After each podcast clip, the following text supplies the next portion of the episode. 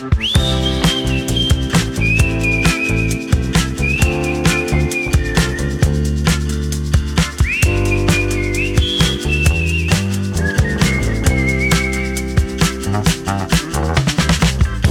Andreu! Hola, Sílvia. Què, com estàs? Doncs molt bé, tinc coses per explicar-te. A veure, explica'm, explica'm. A veure, fa unes setmanes vam parlar d'una expressió que va sortir així espontàniament en l'episodi dels exàmens, Sí. que vam parlar dels exàmens de conduir, Mm -hmm. i vam comentar que en el cas concret de l'examen de conduir solem dir pujar examen o baixar examen, Sí, que no ho teníem gaire clar si era pujar o baixar. Tu deies baixar, perquè jo sempre he de baixar, però... d'acord? I jo eh, crec que et vaig donar la raó i crec que també dèiem baixar a Lleida, però no, em vaig equivocar, em vaig confondre. Mm -hmm. Resulta que el més utilitzat és pujar examen, Pujar examen. d'acord? D'acord. Però tot i així, no sé per què se'n diu així. Llavors vaig fer com treball de camp, vaig estar Mhm. preguntant a, a, a la gent del meu entorn Ah, o a gent que crec que podien tenir-ne una idea i també vaig buscar el senyor Google i no he trobat una resposta clara, ah. Però sí que he trobat diferents explicacions que m'han semblat divertides, si més a no, veure. i les podem comentar. Oh, tant. A veure, primer que tu dius baixar, o sigui, tot el món diu pujar i tu dius baixar. Això ja és com a primera cosa divertida. Perquè és baixar Manresa i, per mi, té tot el sentit del món. Clar. Hi ha per això qui m'ha dit que potser és pujar examen perquè, com a mínim a Barcelona, una zona d'examen és Montjuïc, el turó de Montjuïc, i que llavors havies de pujar per, per anar a fer examen. que, que barcelonocentristes altra vegada, eh? És que sempre igual. Sí, sí. Mm. No, jo de seguida vaig dir que no, no devia ser això. Que no, no compres aquesta explicació, no? És que No la compro. no la comprem. No, perquè a la resta del territori també es puja i, I no tenim Montjuïc. Sí. Una altra explicació que em va semblar molt divertida és que per fer aquest examen has de pujar al cotxe. Ah, doncs aquesta m'agrada molt més. Eh que sí? Clar. Pujar al cotxe per fer l'examen. Sí. Clar, té prou sentit. O sigui, Home, aquesta sí. déu-n'hi-do. Aquesta, mm, de moment, aquesta posició encara, número 1. No? Sí. I després n'hi ha una altra, que aquesta, diguéssim, és de collita pròpia, però que a mi em sona... a mi em sona que me la van explicar quan anava a l'autoescola per estudiar i em sona que me la van explicar allà, però fa tants anys que vés a saber, potser me l'he inventat jo. Però el tema és que per incloure't a la llista, o sigui, per inscriure't a l'examen, hi ha una llista en la qual tu vas pujant posicions. I un cop arribes a dalt, ja pots inscriure-t'hi. O sigui, saps, hi ha una llista d'espera Sí. que va pujant, va pujant, i llavors d'aquí ve pujar examen. Ah. Re, re, em, em compro la del cotxe. Clar, però vull dir, a mi em sona que m'ho van explicar a l'autoescola i jo no tinc tanta imaginació per imaginar-me una llista que puja, o sigui, no. Ja t'entenc, és com la llista del, de les places de mestre, no? Que vas Sí. pujant. Ja, ja. Exacte. Uh -huh. Però sí, també m'agrada més, em sembla més divertida la de pujar al cotxe per fer l'examen. Oh, i tant, molt més. En fi, dit això, et porto un àudio que ens va arribar Ah, molt bé. des d'Itàlia, Oh, Itàlia. d'un noi que es diu Fulvio, Mm -hmm. i, i mira que ens explica això. Hola, bona tarda Sílvia, bona tarda Andreu. Em dic Fulvio, tinc 26 anys i m'encanten el, m'encanten els vostres podcasts on, on parleu català. I en general jo he, començat a estudiar català a la Universitat de Sasser on he tingut un curs gratuït de català. I després l'any següent he viscut a València eh, on he fet l'Erasmus per allà.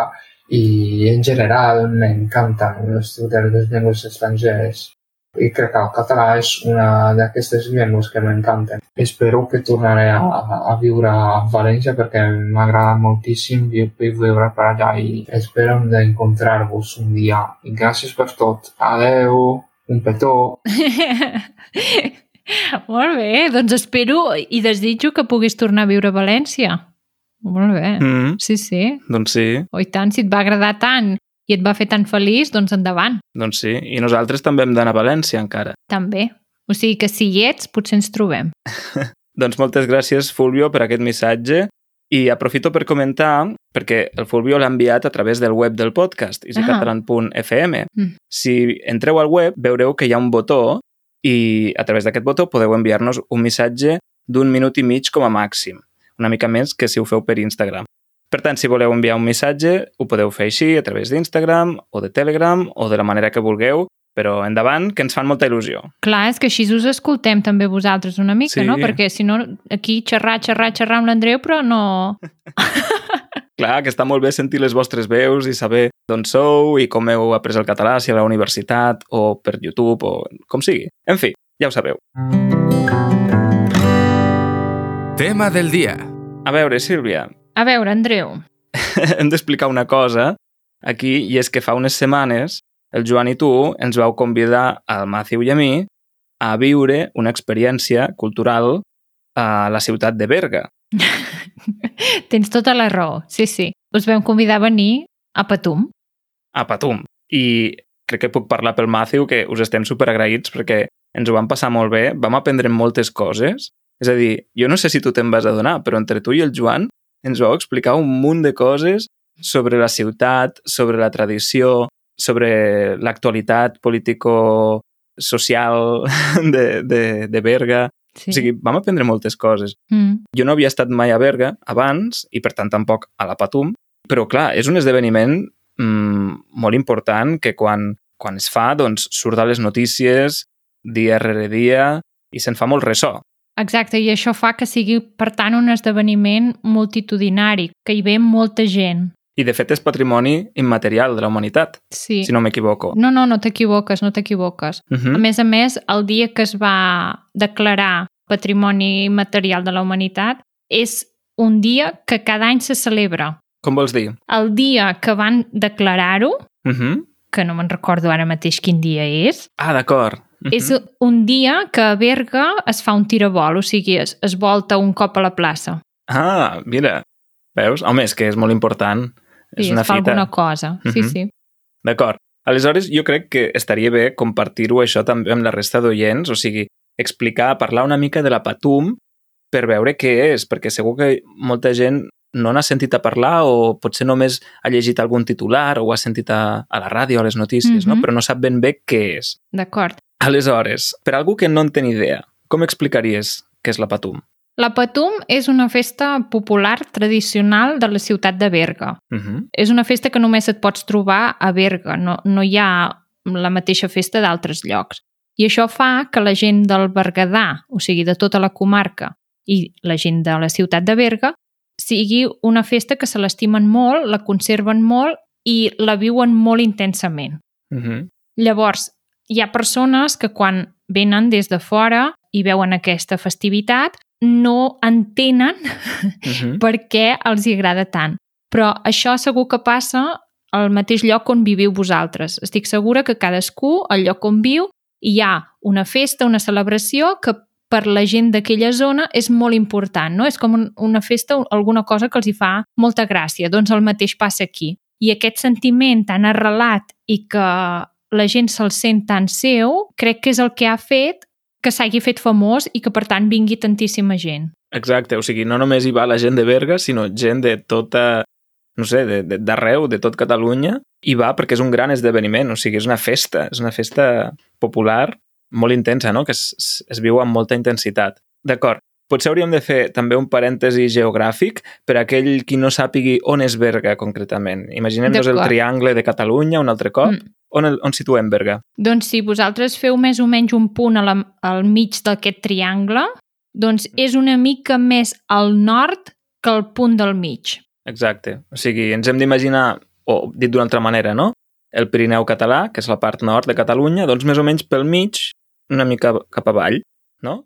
Exacte. Uh -huh. D'acord. Quan es fa la Patum? Quan és Patum? La Patum es fa per Corpus, i Corpus és una festivitat que canvia cada any. Va segons la Pasqua. Corpus sempre és nou setmanes després de Pasqua. Ah, d'acord. Llavors, sempre tothom compta. Si no saps, en la legenda no posa que és Corpus, no? perquè ara cada vegada ho posen menys, doncs simplement agafes Pasqua i fas un, dos, tres, quatre, fins a arribar a nou. Uh -huh. I aquella setmana és la setmana de Patum. D'acord. I és una setmana sencera. No és ben bé una setmana sencera, és des de dimecres fins a diumenge. D'acord.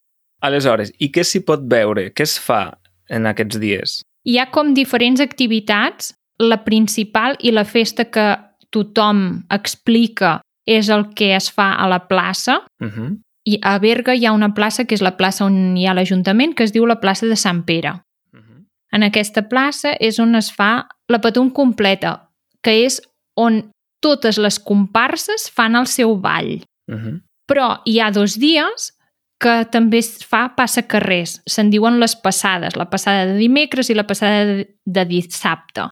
I llavors aquí només tres comparses van pels carrers de la ciutat fent aquests balls. D'acord. Què són les comparses? Comparsa és com si diguessis un grup, Uh -huh. un grup de persones que s'ajunten, els quals tenen un bestiari, o sigui, una figura tradicional, Uh -huh. i amb aquesta figura o figures fan un ball o un, una cosa que més o menys sempre és igual. Potser no és un ball, però s'hi assembla. Uh -huh. D'acord, sí, perquè hi ha diversos balls, amb unes cançons que tothom canta, no? Mm -hmm. Però també hi ha foc. Exacte. Hi ha una sèrie de comparses, per tant, hi ha una sèrie de grups que porten foc, porten fuets. I amb aquests fuets, fuet és com, com un petard, Uh -huh. però molt més gran. O sigui, els petards de Sant Joan són molt petitons i un fuet és molt més llarg, molt més, dura més estona. Uh -huh. I mm, aquests, aquests fuets es col·loquen en aquests bestiaris, com són les masses, les guites o els plens, i va cremant, o sigui, va deixant anar foc fins que al final peta i fa pum! Exacte. O sigui, recapitulant, les comparses són grups, com bandes, de gent que porta una certa indumentària i uns objectes, o aquest bestiari, no? aquestes imatges, figures, que poden ser doncs, de personatges diversos o animals, no? fins i tot, Mm -hmm. i el que fan és que porten algun objecte, les masses, per exemple, Sí, on a dalt hi ha aquests petards. exacte, els fuets. Exacte, els fuets, que el Mm. que fan és treure moltes espurnes, Mm -hmm. no?, fins que al final exploten. Exacte, Uh -huh. sí. I el que fan les comparses és ballar. És a dir, ho explico perquè ho, he, ho tinc recent, no?, perquè ho vaig veure i, i, i vull Endavant, que la gent es faci, que es faci la imatge, no? Aquestes persones porten aquests, aquests objectes que es diuen masses i el que fan és fer com una dansa en què fan moure les masses Mhm. de manera que l- les espurnes cauen realment sobre la gent, o sigui, Sobre el públic. sobre el públic Sí. que hi ha al voltant. Aleshores, la gent, perquè per no prendre mal, diguéssim, porta també una certa indumentària que consisteix en un barret, Mm -hmm. És un barret de roba. un barret de cotó, Mm -hmm. que no s'encén, un mocador també de cotó per protegir el coll i després el que vosaltres ens vau recomanar també que portéssim és una camisa de cotó de màniga llarga no? perquè no ens toquessin, per, per no cremar-nos. Exacte. Pantalons llargs, això és una cosa molt important. També? Si teniu uns texans, doncs ja està bé. I l'última cosa que és molt més important que tota la resta són unes bones sabates. Això vol dir que no pots anar amb xancletes o sandàlies. Has d'anar amb unes sabates cobertes, mínim bambes, i si poden ser xiruques, millor. Clar, i això per què? Perquè ens hem d'imaginar una plaça o un carrer relativament petits o estrets on hi ha molta gent i per tant estàs molt... gairebé no tens espai, esteu allí tots com sardines no? agafats o... Sí. I, i clar, et poden, et poden xafar el peu o el que sigui, llavors sí que Mm. és un bon consell portar calçat robust. Adequat. Sí, sí, adequat. Uh -huh.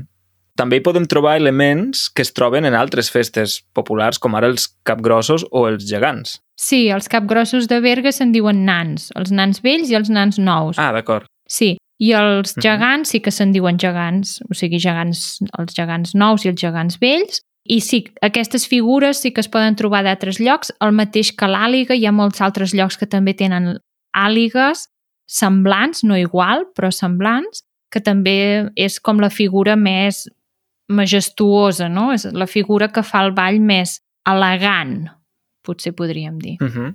Que és molt espectacular, també, el, no el ball en si, sinó tot el, el ball també, però vull dir, tota la situació amb, amb la participació del públic, no? Perquè quan comença a ballar l'àliga, tothom es queda en silenci com, com a mostra de respecte, no? Exacte. i comença fent un, una dansa amb una música que, que l'acompanya lenta Uh -huh. i després arriba un moment en què la cosa s'anime, la liga comença a ballar i a fer voltes i tota la gent, vinga, vinga.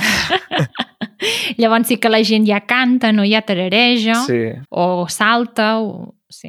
I, I bé, llavors és això, o sigui, és les diferents comparses amb el bestiari, els fuets que exploten i tot Mm. això, i la gent, doncs, vivint-ho amb, amb molta emoció i molta intensitat. Molta intensitat, exacte. Llavors, Mhm. aquests són els actes que surten més a la televisió, però la festa de la Patum inclou molts més actes, com per exemple es fa també una fira en què hi ha diferents parades, que pot ser de menjar, les parades poden ser de menjar o poden ser per entreteniment.